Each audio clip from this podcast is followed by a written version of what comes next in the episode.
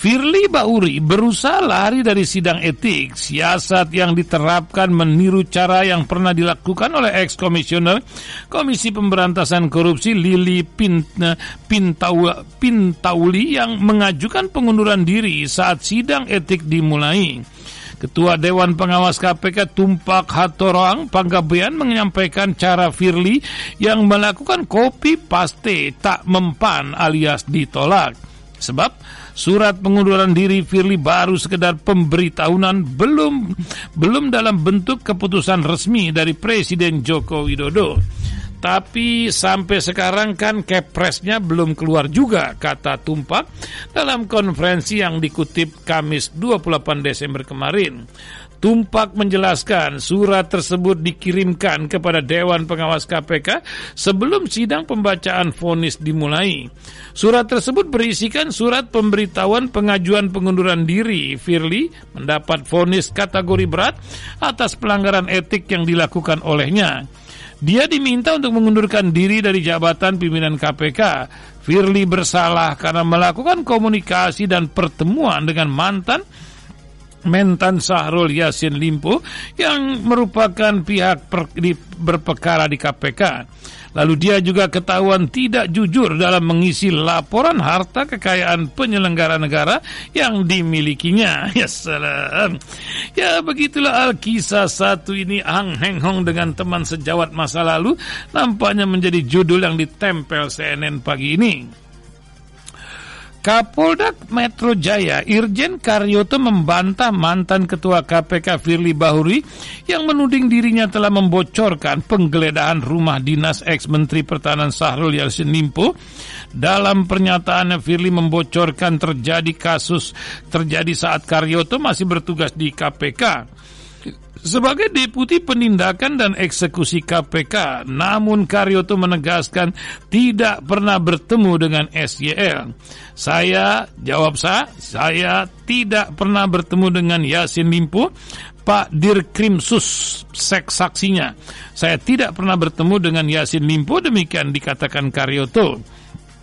Dan saya sekarang lagi marak dituduh katanya saya membocorkan informasi. Ya silakan, silakan saja dituduh. Kalau tuduhan ada, salah saya apa? Demikian imbunya. Firly menuding Karyoto membocorkan dokumen terkait kasus pengadaan sapi yang terungkap saat penggeledahan di rumah mantan Menteri Pertanian Sahrul Yassin Limpo. Hal itu diketahui dalam klarifikasi Firly yang dibacakan Majelis Etik Dewan Pengawas KPK dalam sidang putusan kode etik dan pedoman perilaku hari Rabu kemarin. Ya salam, dunia nih cing. Gimana ente di akhirat bayangin nggak waktu dihisap itu ada so saya bilang ente dulu begini ini. Nggak begini. Nggak ada nggak ada cerita lagi. Hisap akan berlangsung. Ya dunia sanggung sandiwara sementara kita akan masuk hisap. Eh, eh bukan pengajian ini berita cing. Masuk lagi ke tempo lanjut lagi kisah Wahyu Setiawan. Macam mana makhluk yang satu ini? Mantan komisioner Komisi Pemilihan Umum Republik Indonesia 2017-22 Wahyu Setiawan memenuhi panggilan penyidik untuk menjalani pemeriksaan di gedung Komisi Pemberantasan Pemberantasan Korupsi Jakarta Kamis hari ini hari eh, kemarin. Wahyu Setiawan telah bebas dari penjara setelah menjalani pidana penjara selama enam tahun. Dia kembali diperiksa sebagai saksi dalam penyidikan dugaan suap penetapan anggota DPR RI dengan tersangka politikus PDIP Harun Masiku yang hingga saat ini belum tertangkap dan menjadi buronan dan masuk dalam daftar pencarian orang alias DPO. Masiku, Masiku. Kita lanjut lagi Alkisah kisah selanjutnya menemani Anda di dua atau beberapa berita dalam negeri. Para pendengar radio di mana pun Anda, sementara dari Taiwan disampaikan Al-Kisah tentang bah, jadwal tentang pencoblosan. Kok bisa ya? Kok bisa? Ini, ini dia. Tim Hukum Nasional Anies Baswedan Muhaimin menanggapi video viral yang menunjukkan WNI di Taiwan sudah mendapatkan surat suara terlebih dahulu. Menurut Ari, peristiwa yang terjadi di Taiwan bentuk ketidakprofesionalan Komisi Pemilihan Umum yang telah melakukan pemungutan suara sebelum jadwal resmi sesuai ketentuan perundangan 14 Februari. Kejadian itu bentuk ketidakprofesionalan KPU demikian Ketua Umum uh, eh, THN Amin Ari Yusuf Amir. Dikatakan pengiriman surat suara terlebih dahulu sebelum waktunya juga merugikan negara secara material. Sebab negara juga dirugikan secara material dengan tidak sahnya suara semua surat suara akibat pencoblosan sebelum waktunya. Demikian tutur beliau. Diketahui pelaksanaan pencoblosan baik di dalam maupun di luar negeri harus merujuk pada Eh, peraturan KPU nomor 25 2023 tentang jadwal pengiriman surat suara baru bisa dimulai pada tanggal 2 hingga 11 Januari mendatang. Hmm. Ya para pendengar radio di mana pun terus bergulir kabar berbagai cerita lainnya Masih dari berita-berita dalam negeri terus menemani Anda di mana pun Anda berada Sementara Polda Metro Jaya mengabarkan diberitakan CNN, Kapolda Metro Jaya Irjen Karyoto membeberkan ada sebanyak 2.353 unjuk rasa terjadi sepanjang tahun 2023. Karyoto menyebutkan jumlah tersebut mengalami peningkatan jika dibandingkan 2022 yang tercatat ada sebanyak 1.890 aksi unjuk rasa. Selama tahun ini Polda Metro Jaya telah berhasil mengamankan 2.353 kali kegiatan unjuk rasa. Demikian Karyoto dalam acara rilis akhir tahun Polda Metro Jaya Kamis kemarin. Setidaknya ada empat aksi unjuk rasa yang menonjol yang diamankan di tahun ini. Di antaranya adalah aksi terkait dengan penolakan Perpu Cipta Kerja, aksi terkait solidaritas Rempang, Galang, Riau, dan terkait dengan batas usia capres-cawapres aksi solidaritas Palestina serta aksi munajat kubro serta doa bersama PA212. Karyoto turut mengungkapkan jumlah unjuk rasa yang diamankan oleh jajaran Polda Metro Jaya ini merupakan yang terbesar dalam sepanjang sejarah kepolisian. Sepanjang sejarah mungkin polisi di seluruh dunia yang paling banyak mengamankan unjuk rasa adalah Polda Metro Jaya yang lebih sempit lagi Polda Metro Jakarta Pusat demikian dikatakan Karyoto. Dari Polda Metro kita berangkat ke Morowali. Apa kabar di sana? Insiden ledakan dan kebakaran yang dialami PT Indonesia Tinshan Stainless Steel di kawasan Indonesia Morowali Industri Park pada Ahad kemarin menjadi keprihatinan publik. Terlebih teknologi dan sistem keamanan yang digunakan perusahaan tersebut tergolong rendah. Saya turut prihatin atas kejadian ini dan turut berduka atas 18 korban jiwa. Saya mengkritisi PT IMIP bahwa dengan HSE yang lemah, ha, pasti suatu saat akan terjadi kecelakaan kerja. Demikian ucap anggota Komisi 6 DPR RI Herman Heron alias Hero. Ia menambahkan PT IMIP Marwali memang masih menggunakan teknologi lama dan safety-nya rendah sehingga memiliki resiko kecelakaan yang sangat tinggi.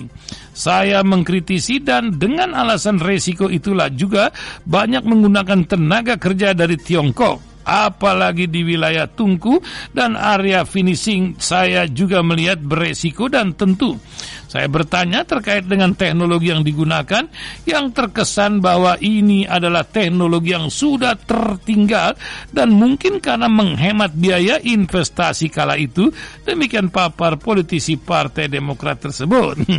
ini ini dia.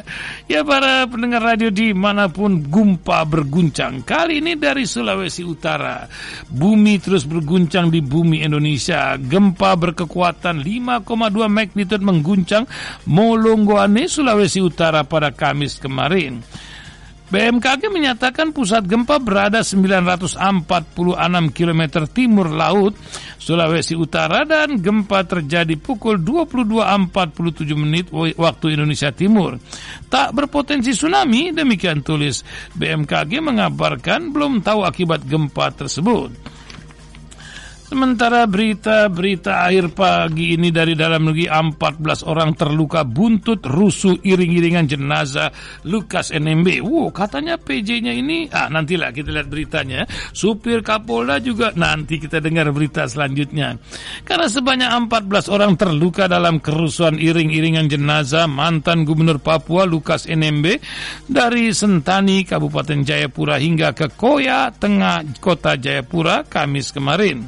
Kapolda Papua Irjen Polisi Matius De Fakhiri menyebutkan 14 korban luka tersebut termasuk pejabat Gubernur Papua Muhammad Ridan Ruma Sukan delapan aparat keamanan dan lima warga sipil. Selain itu juga ada satu mobil yang dibakar, lima kendaraan rusak berat, tiga bangunan dan sekitar 25 perumahan mengalami kerusakan serta pembakaran. Hingga saat ini dikatakan total kerugian masih dalam tetap tahap hitungan.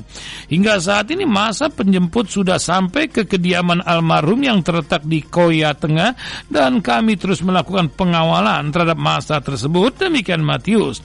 Insiden yang terjadi ini dikatakan beliau sangat disayangkan karena masyarakat mengekspresikan kesedihan tidak sesuai dengan apa yang dikendaki bersama. Momen ini seharusnya menunjukkan cinta kasih anak-anak kepada orang tuanya dan saya sangat menyayangkan kejadian seperti ini yang seharusnya tidak terjadi. Demikian ujarnya. Ia berharap agar tidak ada lagi aksi kericuan serupa dan meminta masyarakat menunjukkan duka dengan cara yang benar sesuai dengan budaya anak Papua tanpa merugikan dan mengganggu keamanan serta kenyamanan masyarakat lain. Para pendengar radio di mana pun berita terakhir kami sampaikan ke ruang Anda sebelum Voice of America. Oh, nampaknya Voice of America lagi warawiri entah ke mana. Ketika era Muslim mengabarkan kisah tentang publik sudah berubah, kini Jokowi tergantung ke Prabowo. Demikiankah begitu? Rocky Gerung mengatakan. Pengamat politik Rocky Gerung menyebutkan kini Presiden Joko Widodo tergantung pada calon presiden nomor urut 2 dari Koalisi Indonesia Maju Prabowo Subianto berdasarkan perubahan opini publik, padahal sebelumnya berlaku sebaliknya. Rocky Gerung menilai hal tersebut disebabkan turunnya elektabilitas Jokowi karena putra sulungnya sekaligus cawapres Prabowo Subianto Gibran Rangka Buming Raka. Kalau saya menduga secara akademis tadinya Pak Prabowo tergantung pada Pak Jokowi. Sekarang karena opini publik berubah bahwa Pak Jokowi lah yang bergantung kepada Pak Prabowo. Karena Pak Prabowo makin lama elektabilitasnya turun karena Gibran. Kan itu masalahnya kan. Demikian ungkapnya. Sementara Pak menurut Rocky, berdasarkan pikiran Prabowo, seharusnya Gibran menjadi aset karena diajukan Jokowi sebagai cawapres.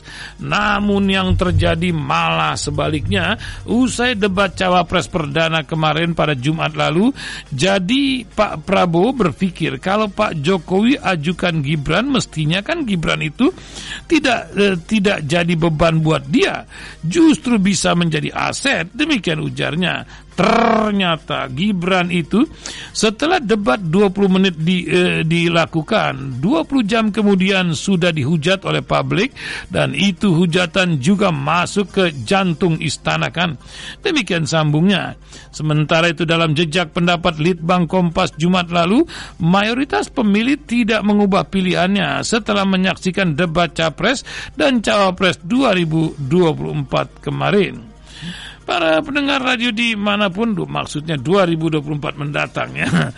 Ya para pendengar radio di mana pun itulah berita-berita yang dapat kami sampaikan di pagi hari ini. Saatnya kami sampaikan berita-berita dari mancanegara berikut ini tanpa Voice of America. Kami sapa dulu pendengar setia kami di mana pun Anda berapa Bapak Agus Teja Sukmana. Bapak Airudin Rahman dan Ibu Dewi Rosaliana serta Bapak Sabto Edi Putro, Ibu Leni Marlina dan Ibu Osmel S. Osmelita. Apa kabar Ibu Dewi Asi dan Bapak Destrianto Bagus serta Bapak Edi Kusnadi? Ya juga Ibu Rini Aryani. Para pendengar radio di mana pun Anda berada, kami akan masuki berita-berita dari mancanegara dan tak lupa kami akan badalkan secangkir kopi pahit untuk seluruh pendengar di jagat raya. Yang belum ngopi, angkat kopinya bareng-bareng. Yang belum, yang sudah ngopi atau tidak ada cangkir kopi, bayangin saja. Kadang bayangan lebih indah dari kenyataan. Bismillahirrahmanirrahim. Hmm.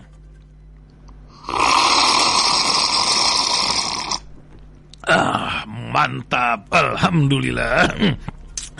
Ya kopi pahit tanpa gula, awas ya tanpa gula ya. Para pendengar radio di mana pun yang KW-KW jangan diminum kopinya, lebih baik nggak usah ngopi. Ingat didampingi air putih sebelum ngopi. Para pendengar radio di mana pun anda berada, kita akan masuki berita-berita dari mancanegara pukul 8.40 menit. Silakan Bang Fari. Dan kini kita simak info-info luar negeri.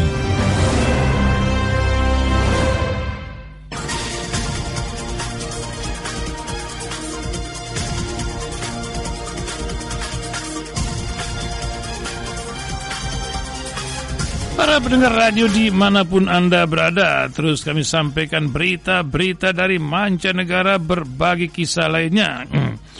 Sementara pembahasan gencatan senjata terus terjadi Jumat pagi ini akan dilakukan di Mesir ketika perwakilan Hamas dikabarkan tiba di Kairo pada Jumat hari pagi ini untuk membahas rencana gencatan senjata di jalur Gaza dan pertukaran sandera serta tahanan dengan Israel. Seorang pejabat Hamas mengungkapkan pembahasan tersebut telah direncanakan sejak Ahad lalu sejak pimpinan kelompok Hamas dan Jihad Islam mengunjungi mengunjungi Mesir. Salah satu sumber yang mengatakan kepada Associated Press ada tiga poin yang akan dibahas, yakni pembaruan gencatan senjata sebelumnya, pertukaran sandra Hamas dan tawanan Israel, juga gencatan senjata permanen untuk mengakhiri perang, serta termasuk pembicaraan untuk membangun kembali Gaza pasca perang. Delegasi tingkat tinggi dari kantor politik Hamas akan mengunjungi Kairo pada Jumat ini dan bertemu dengan pejabat-pejabat Mesir dan memberikan respon dari faksi-faksi Palestina termasuk beberapa observasi terhadap rencana mereka. Demikian pejabat Hamas yang enggan disebut namanya. Sementara para pendengar radio silaturahim kami akan berhubungan dulu dengan Seattle, Washington, Amerika Serikat bersama Ustadz Muhammad Joban langsung dari Amerika berikut ini. Ya sudah terhubung nampaknya Bang Fahri dari Seattle, Amerika Serikat. Uh, nah ini berita yang ditunggu-tunggu oleh Abis, Abib Idrus ya di Condet. Beb, ini beritanya Beb. ya dan juga seluruh pendengar. Nah, nampaknya sudah terhubung Bang. Oh. Assalamualaikum Ustadz Muhammad Jawan. Waalaikumsalam warahmatullahi wabarakatuh. Ah, Ustadz Jawan, nih banyak yang menunggu berita dari langit apa yang disampaikan nih. Nampaknya Amerika menjadi sorotan luar biasa di tengah konflik Timur Tengah. Akankah konflik yang hampir melengkapi tiga bulan 7 Januari besok ini akan menjadi konflik lebih besar dan bagaimana orang Amerika ini sudah jenuh melihat bayi-bayi atau ibu mak-mak yang bertaburan berkeping-keping di Gaza. Apa yang dirasakan oleh rakyat Amerika kemarin di airport itu di John F. Kennedy pada tidur di jalan orang mau liburan pada uring-uringan akibat demo ini bagaimana uh, Ustaz Joban suasana ya betul alhamdulillah jadi hmm. eh, Allah berfirman kan ala inna nasrullahi qarib kemenangan Allah dekat sudah menang hmm. sekarang hmm.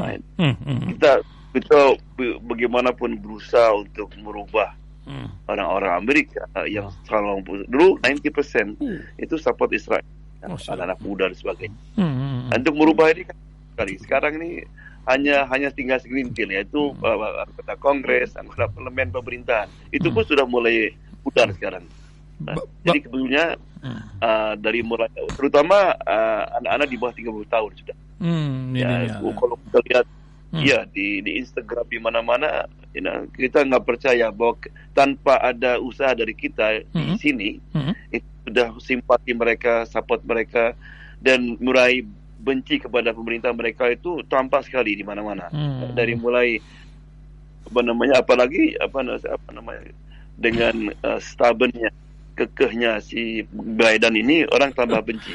Apa apa komunitas Yahudi sendiri juga agak membenci. Apakah Ustadz Joban ada bersentuhan dengan komunitas mereka gitu, Ustadz? Ya, yang yang paling uh, membuat kita tergugah itu, hmm. itu puluhan ribu Yahudi. Hmm. Itu yang lebih vokal dan lebih anti karena mereka mengetahui hmm. kebejadan mereka mereka tidak mau uh, atas nama mereka sehingga dianggap orang Yahudi Yahudi seperti ini semua. Hmm. Oleh karena itu perjuangan mereka lagi uh, hmm. untuk surga kemudian bawa bayi-bayi dalam kafan itu sekarang sudah biasa itu hmm. di mana-mana ya. Hmm. Hmm. ya.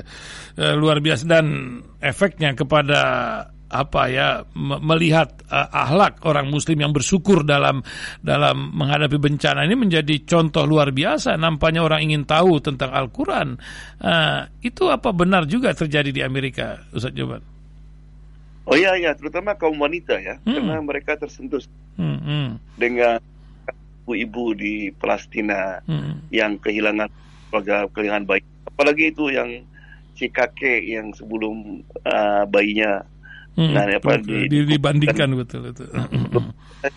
Hmm. Bagi mereka sangat what behind it. What apa yang buat mereka apa, apa, ya. Ah, hmm. memang bersyukur adalah sebuah kisah tersendiri. Nah, Silakan Ustadz Muhammad ya, jawaban berita dari langit apa ini yang yang yang yang akan disampaikan uh, pagi hari ini. Pendengar di 18 negara pendengar kita pagi hari ini menanti juga selain yang di Indonesia di jalan di rumah sambil goreng pisang goreng dan lain-lain pagi ini. Silakan Ustadz Muhammad jawaban. Oke, okay, insyaallah berita dari langit kali ini adalah sebuah kisah yang dikisahkan oleh Nabi dalam hadis Bukhari hadis 3436 dan hadis Muslim juga. Hmm. Hadis nomor 2550. Ini kisah terkenal, itu kisah tentang Jurej, seorang ahli ibadah. Hmm. Ketika dia lagi beribadah di tempat musolanya, tiba-tiba datang ibunya memanggil dia. Hmm. Jured, Jured, Jured. Jured bingung dia, salatku atau panggilan ibuku, salatku panggilan ibuku. Akhirnya dia memilih salat. Hari kedua, hari ketiga, rupanya ibunya kesal. Akhirnya ibunya ngomong, Ya Allah, jangan dibiarkan Junaid mati sebelum dia bertatapan dengan muka pelacur. Hmm. Terkena fitnah. Akhirnya uh, di sisi yang lain, memang kemaksiatan itu sudah merajalela di, di antara Bani Israel ketika itu. Jadi penzinahan, mabok-mabokan sudah biasa. Namun demikian banyak anak muda yang ter mereka tertarik dengan dengan juret ini. Sehingga banyak mereka yang mau belajar dengan juret meninggalkan ibadah apa maksiat itu. Maka orang-orang yang orang-orang evil orang-orang yang tidak baik ini berbahaya katanya. Bagaimana untuk menghancurkan juret sekarang? Akhirnya dipilihlah seorang pelacur yang paling cantik. Hmm. kata kalau kamu bisa menggoda juret mencium saja kami akan kasih double belinya. Dikasih seribu, seribu, seribu dinar, yang kalau ke, bisa berhasil, kasih seribu lagi. Ah, gampang. Jangan dia mencium, dia pasti memeluk saya nanti. Berzina hmm. dengan saya. Hmm. Tapi dia masuk ke tempat peribadatan juret, digodanya dia buka bajunya. Tapi juret seperti patung. Nggak dilihat, nggak dipandang sama sekali. Sehingga kesel perempuan itu, merasa direndahkan, merasa jatuh, maka dia ingin balas dendam. Kebetulan di dekat tempat juret ada seorang pengembala kambing. Maka dia berbuat zina dengan pengembala itu dan hamil dia. Hmm.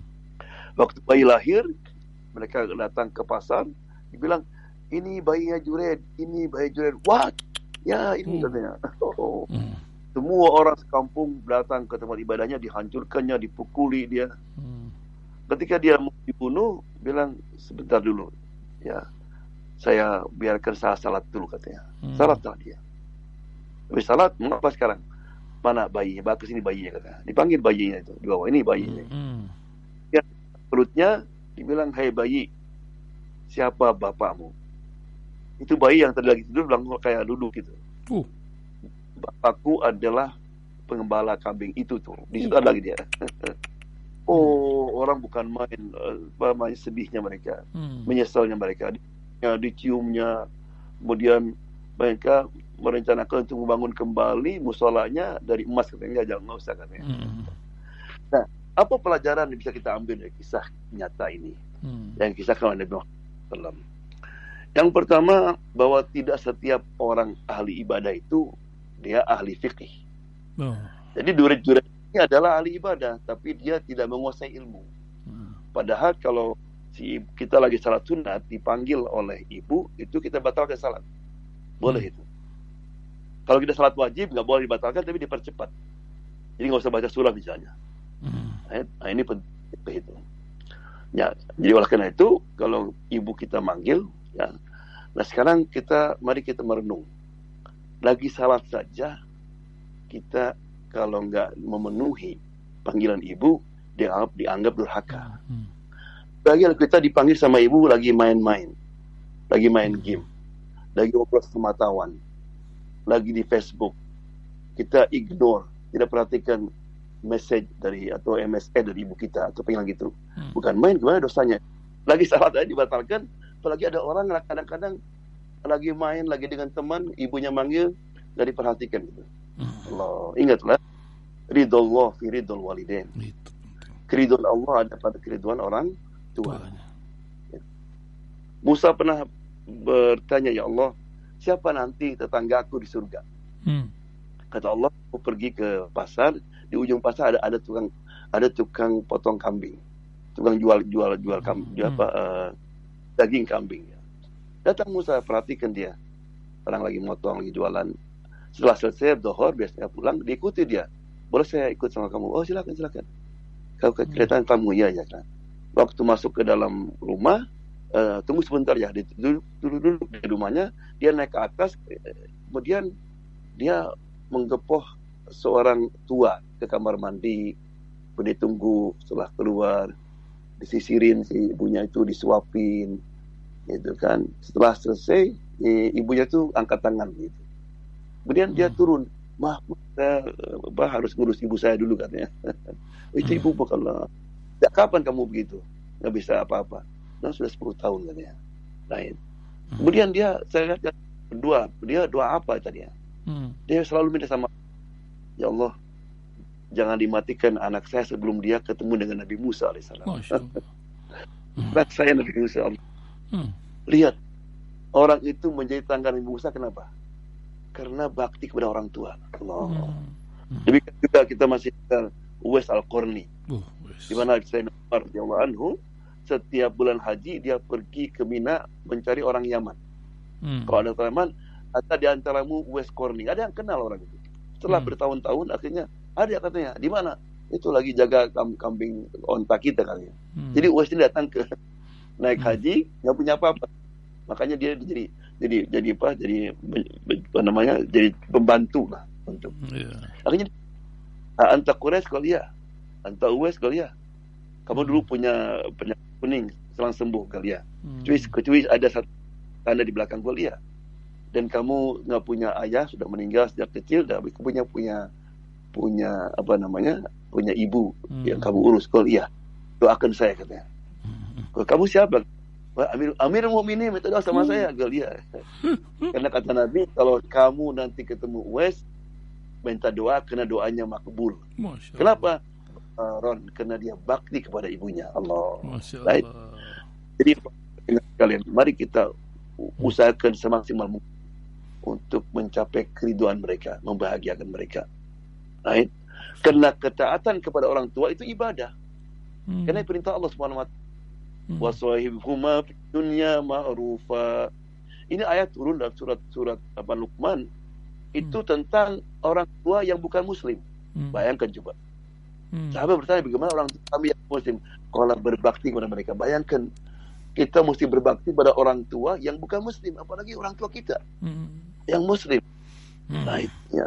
Hmm. Hmm. Jadi itu kita juga ya, hmm. fasakhatullah. Hmm. Ya, yeah. kebencian Allah ada kebencian orang tua kita. Jadi kalau kita ingin tahu bahwa Allah itu ridho kepada kita, lihat orang tua kita. Kalau hmm. orang nanya, ada orang nanya kepada kepada orang tua, hmm. gimana anakmu? Oh, dia puji-puji kita, itu alhamdulillah bagus. Hmm. Tapi kalau orang tanya, akan doakan saya mudah-mudahan dapat hidayah. Nah, itu, oh, itu berarti itu saya. Mm-hmm. Yang kedua juga kepada orang tua, jangan sekali-kali bagaimanapun marahnya mendoakan yang tidak baik kepada anaknya. Hmm. Nah, coba lihat itu. Duret orang baik kan, orang soleh, tapi Allah, Allah dikabul. Hmm. dikabul doa ibunya. Ya, sambil sehingga ya kata-kata Nabi kan ada tiga doa doa yang tidak akan ditolak sama Allah SWT. Hmm. Doa orang yang teraniaya, doa orang yang berlayar dan kedua doa orang tua. Oleh karena itu mari kita sebagai seorang tua kita pada tahajud tiap saat lupa doakan orang tua kita maaf doakan anak-anak kita hmm. nah, pelajaran yang ketiga kalau kita terkena musibah yang pertama kita kali kita lakukan apa coba? Hmm. tadi Jured sudah dipukuli dia sudah berdarah sedang mau dibunuh dia minta apa? Biarkan aku salatkan. Aku salat. Ya alladzina amanu sta'inu bis sabri was salah jadi begitu kita dengar ada berita yang tidak baik, musibah, pertama langsung salat. Makanya Abdullah bin Umar itu ketika dengar anaknya meninggal, bukannya lihat anaknya bukan, langsung wudhu dia salat. Hmm. Kalau kita enggak, ada semua baru innalillahi rajiun. Ya, tapi juga tapi kita, gimana salat kita? Ada kita salat perhatikan juga. Hmm. Salatnya Jurid itu ya telah membuat bayi bisa ngomong juga. Masya Allah. ya? Jadi jangan salah, salah asal Ya. Kemudian pelajaran yang keempat, ya.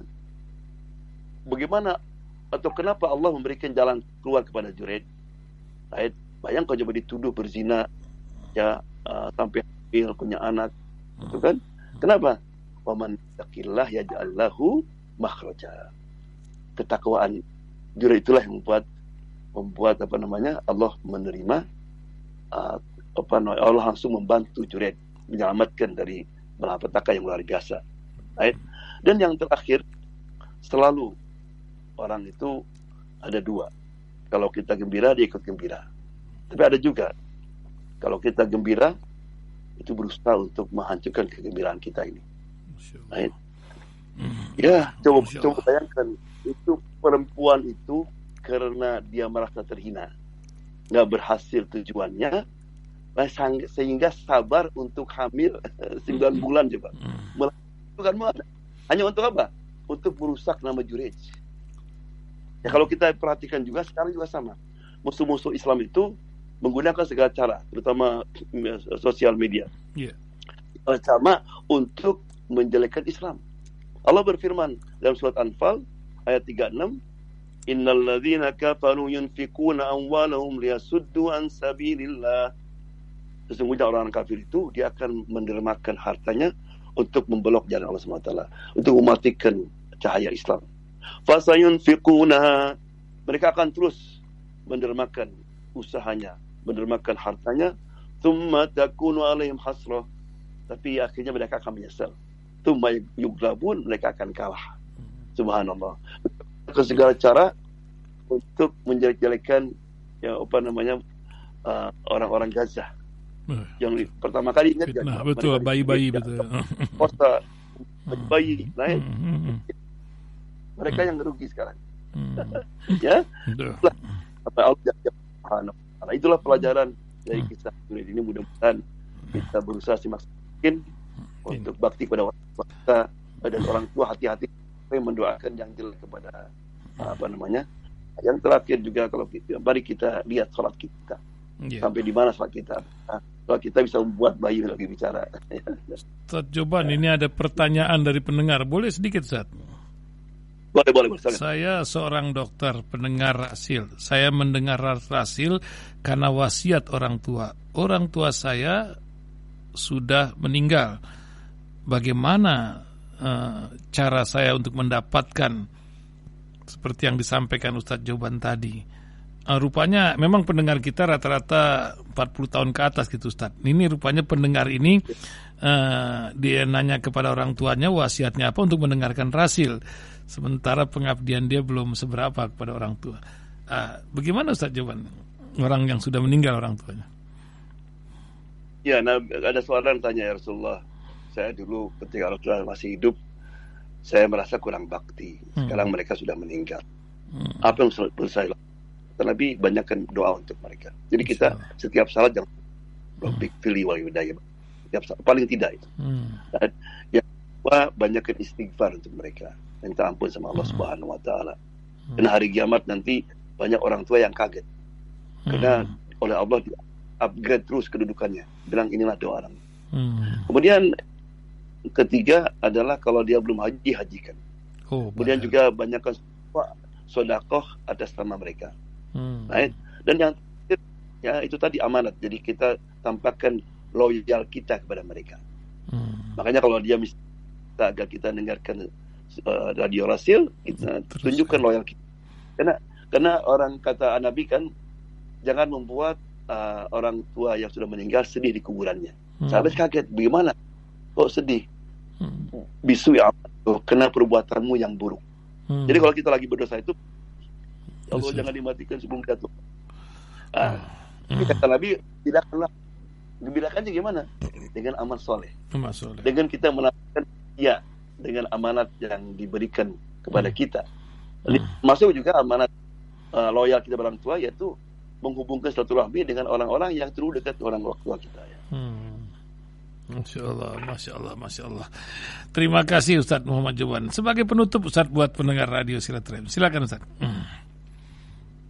Ya sebagai penutup saya kira apa yang kita jangan lupa terus mendoakan kawan-kawan kita yang di Gaza. Right? Dan dan juga kita harus selalu punya baik sangka kepada Allah Subhanahu Wa Taala. Hmm. Mereka sekarang sudah menang. Hmm. Right?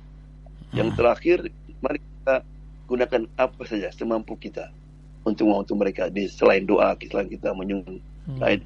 Be, aktiflah di sosial media hmm. dengan Instagram Hmm. Nah, itu satu tanda kita simpati kepada mereka. Hmm. Dan, dan juga saya, saya yakin ya bahwa Allah Subhanahu Wa Taala itu maha bijaksana, maha tahu, maha mendengar. Apa terjadi itu pasti ada hikmatnya. Hmm. Ya. Masya Allah, Masya Allah, Masya Allah. Terima kasih Ustadz Muhammad Joban. Mudah-mudahan selalu sehat dan bermanfaat untuk banyak orang. Amin, amin. Amin. Assalamualaikum warahmatullahi wabarakatuh. Waalaikumsalam warahmatullahi wabarakatuh. Para pendengar radio di mana pun, pukul 9 tepat waktu di studio kami, kita akhiri bincang dengan Ustadz Muhammad Joban. Ya. Oh, kami sampaikan juga perolehan dana dari peduli Gaza yang melalui rekening Yayasan Wakaf kita ada 112 juta 326 ribu sudah dikeluarkan 92 juta 122 ribu dan masih ada di saldo 20 juta 204 ribu ya. Kami dengar di Mercy pun sudah cukup besar karena perjuangan beliau untuk merenovasi rumah sakit itu 50 miliar lebih kalau tidak salah sudah terkumpul dari berbagai masyarakat untuk membangun kembali rumah sakit Indonesia di jalur Gaza dan mem apa, memberikan makan tiap hari buat rumah sakit yang tadi pagi kita berbincang dengan saudara Fikri. Seharusnya kami juga akan berbincang dengan kegiatan Mercy yang ada di Mentawai karena sedang dibangun masjid di Mentawai dan juga perjalanan Dr. Mea di Afghanistan nampaknya susah terhubung dari dua narasumber narasumber itu, kita akan lanjutkan dengan berita-berita dari berbagai tempat di pagi hari ini, menemani Anda di mana pun Anda berada. Para pendengar radio di mana pun Anda kami terus sampaikan Alkisah. Oh Alkisah jiran ya. Memang kadang-kadang rumput tetangga ini suka lebih hijau ya. Nampaknya oh nampaknya ketika detik mengabarkan Malaysia protes bahasa Indonesia jadi bahasa resmi UNESCO. RI buka suara demikian judul yang ditempel detik news. Ya salam Mak Cik. Tidak apa-apalah bahasa ini nah, Bahasa dunia ini. Begini Mak Cik kami sampaikan. Bahasa Indonesia resmi menjadi salah satu bahasa resmi dalam sidang The United Nations Education, Scientific and Culture Organization alias UNESCO. Namun keputusan tersebut memicu reaksi dari Malaysia. Dalam ungguan Presiden Joko Widodo terkait dengan keputusan UNESCO tersebut, sejumlah warga Malaysia ramai memberikan komentarnya. Komentar tersebut mengatakan seharusnya yang diresmikan bu adalah bahasa Melayu sebab bahasa yang digunakan digunakan Indonesia sendiri adalah bahasa Melayu. Menanggapi hal itu Kepala Pusat Pembinaan Bahasa dan Sastra Kemendikbudristek Muhammad Abdul Haq buka suara. Menurutnya anggapan yang menyatakan bahasa Indonesia adalah bagian dari bahasa Melayu kurang tepat ia menuturkan bahasa Indonesia merupakan bahasa negara, kemudian bahasa Melayu merupakan bagian dari bahasa daerah di tanah air. Klaim tadi kalau kita dudukan dengan benar menurut saya tidak pas karena Malaysia sendiri dalam upaya mengangkat bahasa Indonesia menjadi bahasa UNESCO tadi sama sekali tidak terlibat dan nama yang kita ajukan memang bahasa Indonesia bukan bahasa Melayu jelas hak dalam uh, kabar di antara Kamis kemarin. Ia mengungkapkan ada lebih dari 80 bahasa Melayu yang menjadi bahasa daerah di Indonesia. Kalau menurut kajian kami, di Indonesia ini lebih dari 80 bahasa Melayu sebagai bahasa daerah demikian hak mengabarkan. Tidak hanya itu, ada pula klaim mengenai Perdana Menteri Malaysia yang mengatakan Presiden Jokowi setuju bahasa Melayu menjadi bahasa ASEAN. Hak menegaskan jika klaim tersebut tidak benar. Ia meluruskan Indonesia tetap mengajukan ASEAN Indonesia, bahasa Indonesia menjadi bahasa resmi ASEAN, demikian disampaikan. Nah, baru kita tahu ya satu nusa, satu bangsa, satu bahasa Indonesia. Nah, gampang itu, satu bahasa di India itu, be, be, be, be. bahasanya ratusan cing. ya begitulah, belum lagi di Eropa, be, be, be. setiap negara kita kayak kalang kabut pakai bahasa apa tuh Tarsan. Padahal kita tahu mereka bisa bahasa Inggris. Nggak mau pakai bahasa Inggris.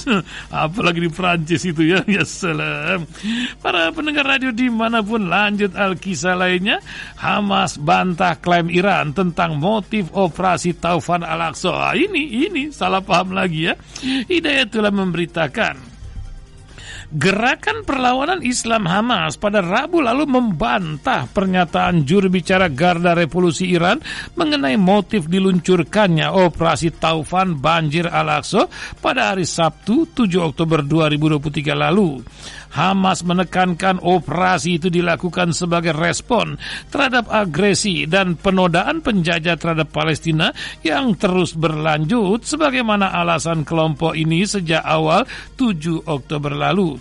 Kami telah berulang kali menekankan motif dan alasan operasi Taufan Al-Aqsa. Yang paling utama adalah bahaya yang mengancam Masjid Al-Aqsa. Demikian pernyataan resmi Hamas. Pernyataan terbaru Hamas itu berbunyi, gerak Gerakan perlawanan Islam Hamas menyangkal keabsahan pernyataan juru bicara Korps Garda Revolusi Islam Brigade Jenderal Ramadan Sarif mengenai operasi banjir Al-Aqsa dan motifnya. Hamas menekankan bahwa semua tindakan kelompok pembebasan Palestina terjadi respon terhadap kehadiran penjajah dan agresi berkelanjutan mereka terhadap rakyat Palestina dan tempat-tempat suci kami. Sebelumnya, pada hari Rabu lalu, juru bicara Garda Revolusi Iran Ramadan Sarif mengatakan bahwa operasi Taufan Al-Aqsa adalah salah satu aksi balas dendam kelompok poros perlawanan atas pembunuhan komandan pasukan Garda Revolusi Iran Hasim Soleimani. Ya salam.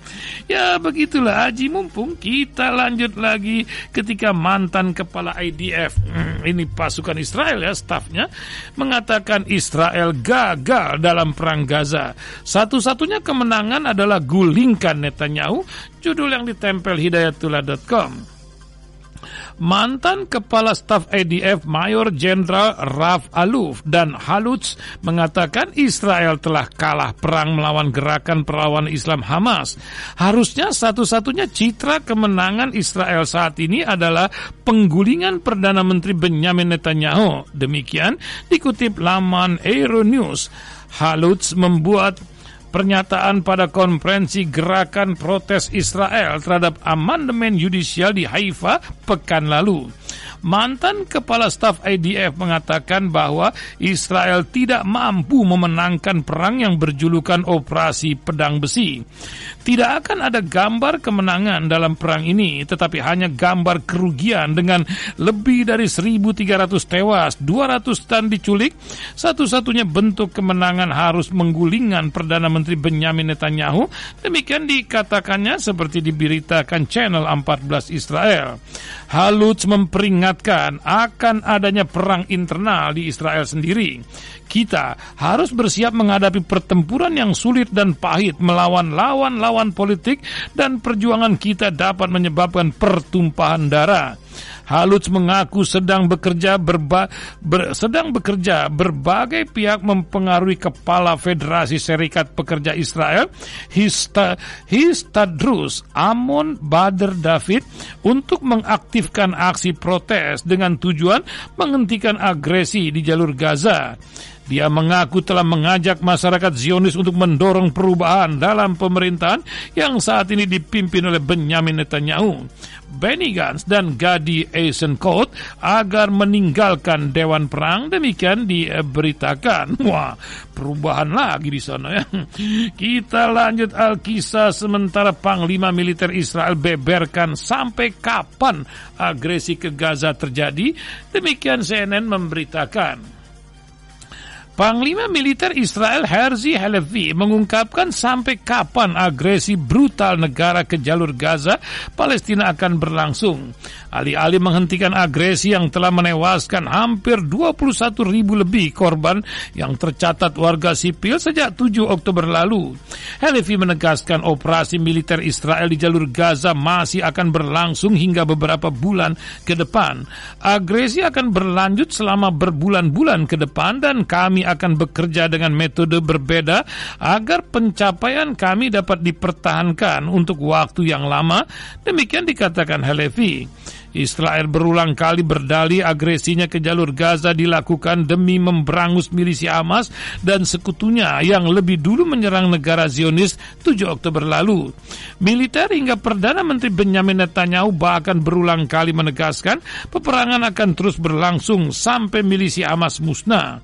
Namun belakangan para analis meyakini niat Israel menggempur Gaza habis-habisan tidak hanya sebat tidak hanya sebatas ingin memberangus Hamas sama, tetapi ingin mengusir warga Palestina dari wilayah itu dan mengontrol sepenuhnya jalur Gaza.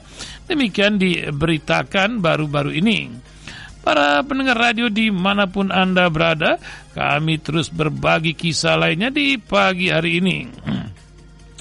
Sementara dua berita mengakhiri kabar pagi ini, Nampo masih banyak bererot ini pukul 9.30 akan mengakhiri kabar. 1, 2, 3, 4, 5, 6, 8 berita lagi, cing.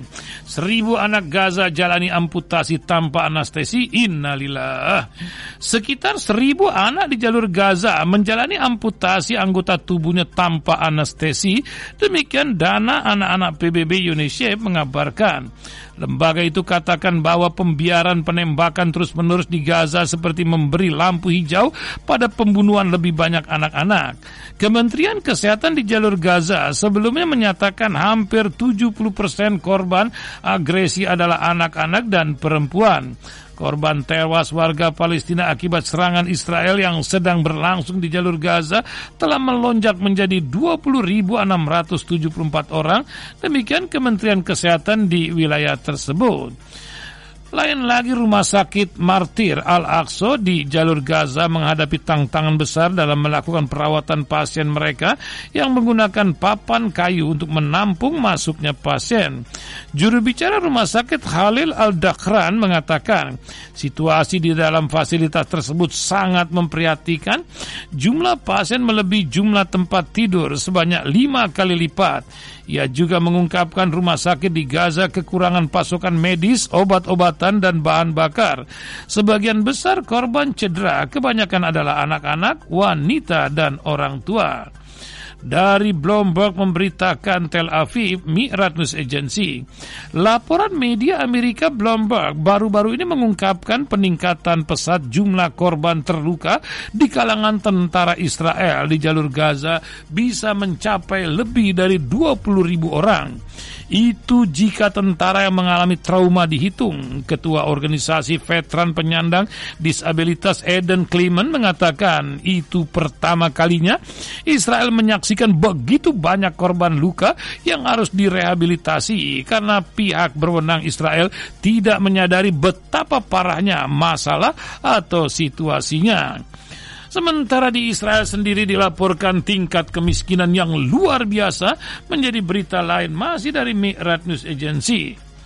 Media Israel berbahasa Ibrani, Ynet mengungkapkan peningkatan signifikan angka kemiskinan di, di negara pendudukan tersebut termasuk tingkat tertinggi di dunia, terutama sejak pecahnya agresi Israel di jalur Gaza 7 Oktober lalu. Menurut media tersebut, laporan kemiskinan yang dikeluarkan oleh Lembaga Asuransi Nasional kemarin pagi menunjukkan bahwa sekitar 2 juta orang miskin tinggal di daerah negara pendudukan Israel termasuk sekitar 870 ribu anak-anak atau sekitar 150 ribu orang lanjut usia dan sekitar 950 ribu di antaranya bekerja. Ynet mengukip, mengutip pernyataan Eli Cohen atau CEO lembaga amal amal Peterson Leaf Association yang mengatakan mereka berada di tengah gelombang besar kemiskinan yang dirasakan organisasi itu setiap harinya di lapangan. Nah ini, ini dia. Maka Allah, kita lanjut lagi tentang aliansi bantuan Amerika perangi Houthi. Apa kata Profesor Hernandez? Siapa dia? Washington memberitakan Mi'rat News Agency. Pembentukan aliansi Amerika bersama beberapa negara dengan nama Operasi Penjaga Kemakmuran berujung sia-sia. Aliansi yang dibentuk untuk berperang melawan kelompok Houthi Yaman di Laut Merah itu diprediksi akan pecah. Demikian analisa dari Profesor Hubungan Internasional University of Madrid, David David Hernandez. Menurutnya kondisi itu disebabkan dua negara Eropa anggota aliansi yaitu Italia dan Spanyol menyatakan tidak mau terlibat langsung dalam memerangi kelompok Houthi Yaman. Gambaran pecahnya aliansi itu semakin nampak ketika negara anggota belum mengirim kapal perang atau hanya sekedar mengirimkan staf ke Laut Merah. Selain memerangi kelompok Houthi Yaman, aliansi ini diharapkan dapat memastikan perdagangan laut di Laut Merah dapat bebas dilakukan Demikian diberitakan. Sementara Houthi mempersiapkan perang yang lebih besar ketika rekrut puluhan ribu pejuang di Yaman mau dikirim bantu Gaza. Demikian cerita dari dari Yaman yang menjadi negeri yang pernah disebut oleh Rasulullah. Wah, perang dari bayu dan megang senjata mereka ya. CNN memberitakan sebagai berikut. Milisi Houthi diduga telah merekrut puluhan ribu anggota baru di Yaman untuk melawan agresi Israel atas warga Palestina di Gaza. Dikabarkan dari Arab News, Houthi disebut-sebut telah mendorong orang-orang di wilayah padat penduduk di bawah kendali mereka untuk ikut pelatihan militer sebagai bagian dari upaya untuk membantu warga Palestina yang menjadi korban agresi sejak dua bulan terakhir ini. Pada Ahad kemarin, Houthi menggelar parade militer untuk 20 ribu rekrutan yang telah lulus dari pelatihan militer tingkat singkat di distrik Abes, Provinsi Utara Hajjah. Pada parade itu, ribuan pejuang disebut-sebut mengenakan pakaian tradisional Yaman, mengibarkan bendera Yaman dan Palestina dan melambaikan senjata dan meneriakan slogan-slogan anti-Israel dan anti-Amerika. Sejauh ini, kelompok yang didukung Iran itu tidak merinci bagaimana mereka akan mengirim pasukan itu ke Gaza sempat muncul kekhawatiran di Yaman bahwa rekrutan baru Houthi itu akan dimanfaatkan untuk mendukung kegiatan militer Houthi di tengah konflik Yaman yang terjadi. Dari Houthi terus kita berbagi kisah ketika perang Gaza minggir, Israel siapkan perang baru di Arab. Apa pula ini ya CNBC memberitakan. Israel tengah mempersiapkan diri untuk perang baru. Hal itu membuat Amerika was-was. Ini terkait dengan Israel dengan tetangganya di utara Lebanon yang terus-menerus memanas. Konfrontasi terus terjadi antara negeri Yahudi itu dengan milisi penguasa Libanon, Hizbullah. Pasca perang Israel di Gaza, Palestina, anggota kabinet perang Israel Benny Gantz mengatakan keadaan di utara sangatlah menegangkan. Menurutnya tidak ada lagi ruang untuk diplomasi dalam menstabilkan situasi. Jika dunia dan pemerintah Libanon tidak bertindak untuk menghentikan serangan terhadap masyarakat di wilayah utara dan mengusir Hizbullah dari perbatasan, pasukan pertahanan Israel alias IDF akan melakukan itu. Demikian paparnya. Hal senada juga dikatakan Kepala Staf Militer Israel, Letnan Jenderal Herzi Halevi. Dia katakan pasukan di perbatasan dengan Lebanon berada dalam kesiapan yang sangat tinggi. Sebelumnya, ketegangan Israel juga meningkat dengan Iran setelah pembunuhan seorang penasihat senior di Korps Garda Revolusi Iran, Sayyid Razi Mousavi. Sementara itu para pejabat Amerika telah khawatir bahwa serangan balasan Israel di wilayah tersebut dapat meningkat menjadi pertempuran regional yang lebih besar. Dari Libanon kita terus bergerak berbagi kisah lainnya. Perserikatan Bangsa-Bangsa menunjuk Sigrid Kaak sebagai koordinator khusus pengiriman bantuan kemanusiaan untuk Gaza. Dalam sebuah pernyataannya, PBB menyebut Sigrid Kaak akan menjadi koordinator senior kemanusiaan dan rekonstruksi di Gaza mulai 8 Januari mendatang 2024. Dalam peran ini, dia akan memfasilitasi, mengkoordinasi, memantau, memverifikasi pengiriman bantuan kemanusiaan ke Gaza. Demikian pernyataan Perserikatan Bangsa-Bangsa. Penunjukan KAK ini merupakan bagian dari resolusi di Dewan Keamanan PBB yang diadoptasi pada hari Jumat lalu. Saat ini KAK sedang berada di penghujung masa jabatannya sebagai Menteri Keuangan Belanda. Dari PBB kita lanjut lagi al kisah selanjutnya. Ketika ilmuwan politik dan ahli strategis Rusia mengatakan perang besar akan terjadi dan Israel segera runtuh, begitu kisah dari era Muslim mengabarkan dua berita penutup kisah di pagi ini. Ilmuwan politik terkenal Rusia Alexander Dudgin yang disebut-sebut sebagai salah satu mentor Presiden Rusia Vladimir Putin menyinggung banyak isu dan membuat pernyataan penting dalam postingannya di akun media sosial. Dengan mengatakan kiamat akan terjadi sekarang juga atau sebentar lagi demikian dikatakan Alexander Dugin yang kehilangan putrinya Daria Dugina dalam serangan bom di Moskwa pada bulan Agustus ini. Ia mengatakan perang besar akan terjadi di Timur Tengah yang menyebabkan Israel segera akan lenyap. Ahli strategi yang disebut-sebut memiliki pengaruh signifikan dalam perang Rusia-Ukraina dan dikenal sebagai otak Putin ini menarik perhatian dengan ungguhan terbarunya di akun media sosial. Perang besar akan terjadi di Timur Tengah mungkin sedikit terlambat, tapi itu akan terjadi. Houthi tidak akan berhenti, kapal tidak akan memasuki Laut Merah lagi. Harga minyak akan naik, Iran akan menanggapi provokasi. Runtuhnya Israel tidak bisa dihindari. Sebut saja sesuai dengan keinginan Anda. Kami menyebutnya agenda akhir zaman, demikian tulis beliau dari Rusia kita terus bergerak. Ketika Kim Jong-un perintahkan militernya siap perang, akankah perang dunia pecah di 2024? CNBC menjadi penutup berita pagi hari ini.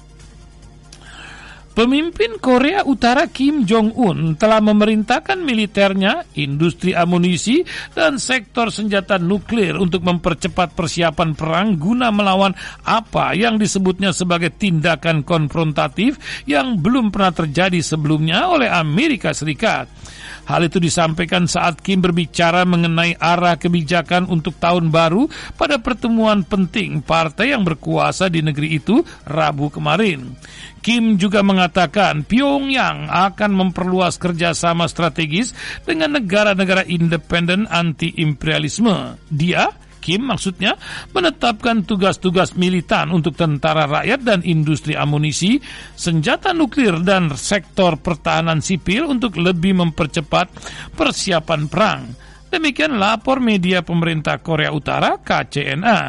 Adapun Korea Utara telah memperluas hubungan dengan Rusia antara lain karena Washington menuduh Pyongyang memasok peralatan militer ke Moskwa untuk digunakan dalam perangnya dengan Ukraina.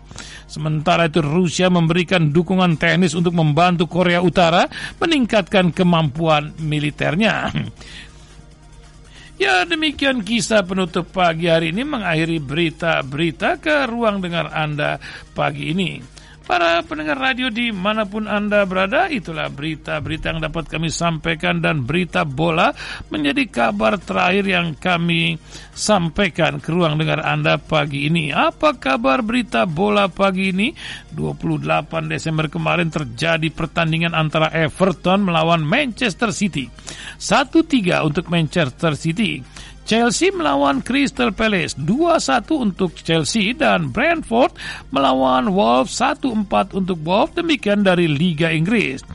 Hari sebelumnya ada Manchester United Aston Villa 3-2 untuk MU dan Burnley dengan Liverpool 0-2 untuk Burnley. Begitulah berita bola yang dapat kami sampaikan ke ruang negara Anda dan akhir kita pagi hari ini tanpa Voice of America kita akan akhiri dengan tajuk Radio Silaturahim. Dan kini kita simak tajuk rasim.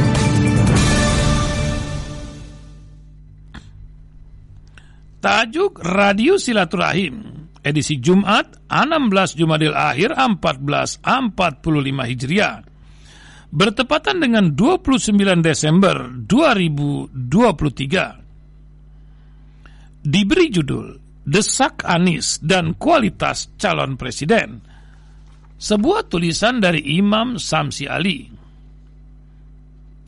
Dalam sejarah perpolitikan dunia, khususnya dalam konteks pemilihan presiden Indonesia bahkan dunia, baru kali ini saya mendapatkan ada calon presiden yang sangat terbuka tidak saja dalam melayani calon pemilih untuk bertatapan muka dan silaturahmi, tetapi sekaligus bersedia untuk bertatap pikiran dan bersilatur pikir dengan para konstituennya. Berbagai acara pertemuan dan diskusi diadakan hampir di semua daerah yang dikunjungi oleh segala lapisan masyarakat dari guru besar dan akademisi, pebisnis dan pelaku ekonomi hingga ke para diplomat, para pelajar dan mahasiswa hingga para perwakilan negara lain dilayani dengan sepenuh hati dan dengan profesionalitas yang tinggi. Salah satu acara kampanye Amin Anies Muhaimin adalah acara dialog terbuka dengan para konstituen pemilih yang disebut Desak Anies dan Selepet Muhaimin. Acara ini sangat unik dan istimewa karena belum pernah terjadi dalam sejarah Pilpres di Indonesia. Bahkan kemungkinan di negara lain juga di mana calon presiden dan calon wakil presiden begitu terbuka dan berani menghadapi calon pemilih secara langsung dan tanpa memilih-milih reservasi. Saya melihat acara desak Anies dan selepet Muhaimin ini memiliki makna penting, sekaligus menggambarkan sesungguhnya tentang sang capres dan cawapres kalau kita semua penuh antusias dengan debat presiden dan wakil presiden sebagai ajang yang menggali siapa dan apa tentang calon, sesungguhnya acara desak Anies dan selepet Muhaimin ini jauh lebih berkualitas dan efektif debat calon presiden atau wakil presiden sangat formal dan penuh dengan batasan-batasan keprotokoleran. Semua serba terbatas, dibatasi waktunya, dibatasi oleh pertanyaan tertentu, dibatasi oleh siapa yang terlibat, dan juga dibatasi oleh subjek tertentu yang dibahas. Tapi, acara debat Anies dan selepet Muhaimin berbeda dan istimewa mereka yang hadir tidak diatur secara protokoler. Misalnya, ditentukan oleh KPU atau institusi yang mengadakan. Jika itu di universitas, maka semua mahasiswa punya hak untuk hadir dan dapat menyampaikan ide, pertanyaan, jika kesempatan memungkinkan. Tidak tanggung-tanggung, bahkan Panitia mempersilahkan dari kalangan yang jelas menyatakan mendukung calon yang lain. Pertanyaan juga tidak dibatasi untuk isu atau subjek tertentu, tapi bersifat spontan dari para hadirin untuk menyampaikan ide, pendapat, pertanyaan, bahkan kritik sekalipun. Dan semua itu akan dijawab dengan sepenuh hati dan kejujuran apa adanya oleh Capres Anies Baswedan. Acara Desak Anies berbagai kota telah mengubah wajah pancapresan dari Jakarta ke Bandung, ke Samarinda, ke Pontianak, ke Medan, lalu ke Jogja, bahkan yang terakhir ke Banyuwangi, semuanya berjalan dengan penuh semangat dan keinginan masyarakat untuk langsung bertatap muka dan bertatap pikiran dengan calon pemimpinnya. Acara desak Anies di Banyuwangi juga di Lombok beberapa hari lalu menjadi unik karena tidak seperti biasanya diadakan khusus untuk para pemuda, pemudi dan mahasiswa, mahasiswi, justru acara di Banyuwangi itu dihadiri hampir oleh seluruh unsur masyarakat, khususnya para petani yang menjadi masyarakat luas di daerah itu. Tapi Barangkali yang paling menarik dari acara Desak Anis atau Selepet Muhaimin adalah ketika berhadapan dengan para pelajar dan mahasiswa di universitas. Kita mengetahui bahwa mahasiswa itu adalah unsur masyarakat yang sangat kritis dan pastinya dengan keterbukaan media banyak memahami realita yang sedang terjadi di negeri tercinta. Sehingga Kehadiran Anies dan juga Muhaimin di Universitas Andalas Padang misalnya menunjukkan sesuatu yang istimewa. Tidak saja punya kapasitas, wawasan, dan penguasaan berbagai masalah bangsa dan negara, sekaligus keberanian menghadapi warga apa pun dan siapa pun mereka kritis apa pun mereka akan dihadapi dengan sikap bijak dan karakter kedewasaan yang merangkul dan solutif.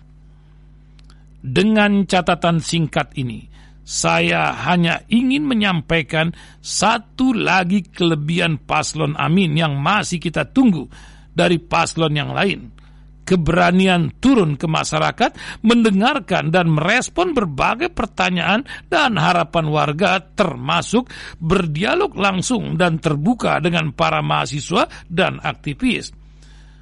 Sehingga berbagai concern dan keluhan warga yang selama ini membebani minimal mendapatkan jawaban dan memuaskan dan membawa harapan. Tapi yang lebih penting lagi adalah acara desak Anies dan selepet Muhammad ini menjadi pembeda yang jelas dan tegas dalam kampanye Pilpres kali ini. Kalau kita lihat paslon lain masih saja senang dan nampak menikmati lempar-lempar kaos, bahkan bagi-bagi beras dan uang, Anies Muhaimin memiliki metode kampanye yang lebih profesional dan berintegritas cara kampanye dengan lempar baju atau bagi sembako atau uang selain kalau tidak salah melanggar aturan kampanye juga sesungguhnya merendahkan sekaligus melecehkan minimal dua pihak. Satu merendahkan masyarakat yang masih dinilai dengan hitungan rupiah dan di saat kampanye.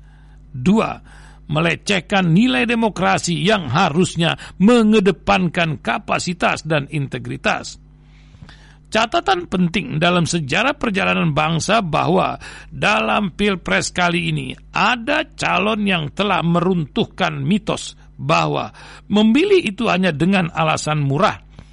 Rakyat selama ini sering kali dianggap akan memilih karena disuap dengan harga yang sangat murah. Dengan desak Anies dan selepet Muhaimin, marwah dan kemuliaan rakyat lebih terjaga dan dihormati. Insya Allah. Wallahu alam bisawab. Para pendengar demikian tajuk Radio Silaturahim dan tepat pukul 9.31 menit kami akhiri dengan cerita cuaca yang kami peraki, sampaikan perakiraan dari BMKG. Selatan, timur, dan barat Jakarta akan hujan di siang hingga malam hari. Di wilayah seluruh Jabotabek malam hari nanti dikabarkan hujan cing rata hujan semuanya. Termasuk Depok, Tangerang, Bekasi, Bogor, Sukabumi, Semarang, juga di Magelang dan Banyuwangi malam hari hujan, Malang di Batam pun siang dan siang hujan diberitakan. Para pendengar kita akan lanjutkan bersama ini renungan di bawah naungan Al-Quran bersama Ustadz Husin Alatas. Sebuah tanya jawab rekaman atau langsung nanti kita dengarkan ya. Lanjut lagi Al-Kisah hari Jumat penuh berkah ini akan disampaikan sholat Jumat ya. Dengan siapa akan, oh Saiful Rahman nanti di Masjid Silaturahim. Fikih wanita setelah Jumat berkumandang bersama Ustazah Herlini Amran pada pukul 13.00 tentunya diawali dengan berita siang nanti. Tausiah sore bersama Ustadz Ahmad Soleh berkumandang 16.00 setelah azan asar dan Mi'rat News Agency akan membedah berita Mina pada pukul 18.00. Para pendengar radio di mana pun malam hari pukul 20 seperti biasa akan ada Indonesia Leader Talks bersama Mardani Alisela, Rocky Gerung dan uh, dosen dari FISIP UI, Huria. Apa temanya? Strategi pembangunan dalam perspektif perempuan. Nah ini perempuannya. Selesai Indonesia Leader Talk kita isi dengan warta rasil dan siaran ulang Ustadz Husin dan terus kami temani hingga malam uh, tengah malam berkumandang tiga lagu yang ditunggu-tunggu. Para pendengar Anda sholat Jumat di mana akan kami sampaikan berikut ini. Jumatan di mana Anda hari ini? Berikut beberapa masjid yang bisa menjadi referensi Anda untuk melaksanakan sholat Jumat hari ini. Jabotabek Anda sholat bisa di Masjid Sunda Kelapa. Oh ada Masjid Agung Al-Azhar Ustadz Abdullah Hakam Syah. Demikian di Masjid Atin Taman Mini Indonesia ada Ustadz Abdul Rafiq dan Bintaro Jaya Jakarta MRBG Habib Jindan akan berceramah di sana. Masjid Silaturahim bersama Ustadz Saifullah Rahman de, di uh, wilayah Jabotabek. Sukabumi Masjid Al Muluk Terminal A Kota Sukabumi bersama Ustadz Anas Syakirullah dan di Cisuda juga ada Masjid Agung Sukabumi. Batam, Anda dapat uh, sholat Jumat di Masjid Baitur Rahman, Kota Sekupang, Kecamatan Sekupang, Kota Batam, Profesor Dr. Haji Habibullah Wibisono, Muhas, Muhasana Tahun Baru. Para pendengar radio di mana pun di Jabal, Rah, uh, Jabal Arafah bersama uh, Ustadz Nagoya ya, bersama Ustadz Bakhter M. Rum. Ya para pendengar radio di mana pun Anda berada, kami diingatkan dari Turki ya ketika malam tahun baru esok hari ini merupakan siaran kami terakhir di tahun ini diharapkan para pendengar kita membawa atribut tentang Free Palestine. Ketika tepat pada saatnya kami akan sampaikan nanti setelah berita ini uh, web mana akan dikirim untuk seluruh dunia menyampaikan Free Palestine tepat pada pukul 12.00 begitu diharapkan dari reporter kami yang berada di jalur Gaza Para pendengar radio di mana pun Anda berada, kami ingatkan jadwal sholat untuk Jakarta dan sekitarnya. Sholat Jumat Anda atau zuhur pukul 11.58 menit. Asar 15.25 menit dan maghrib pukul 18.13 menit. Untuk sholat isya diberitakan 19.28 menit. Subuh pukul 4.17 menit. Para pendengar radio di mana pun, doa kita untuk Gaza sebentar lagi dan Indonesia Raya Stansa 3 akan menjadi sebuah literasi untuk Anda semua. Saatnya kami tutup sandiwara pagi hari ini dengan mengingatkan sholatlah tepat waktu dan usahakan untuk selalu berjamaah. Wabillahi taufiq walidayah. Assalamualaikum warahmatullahi wabarakatuh. Demikian topik berita hari ini.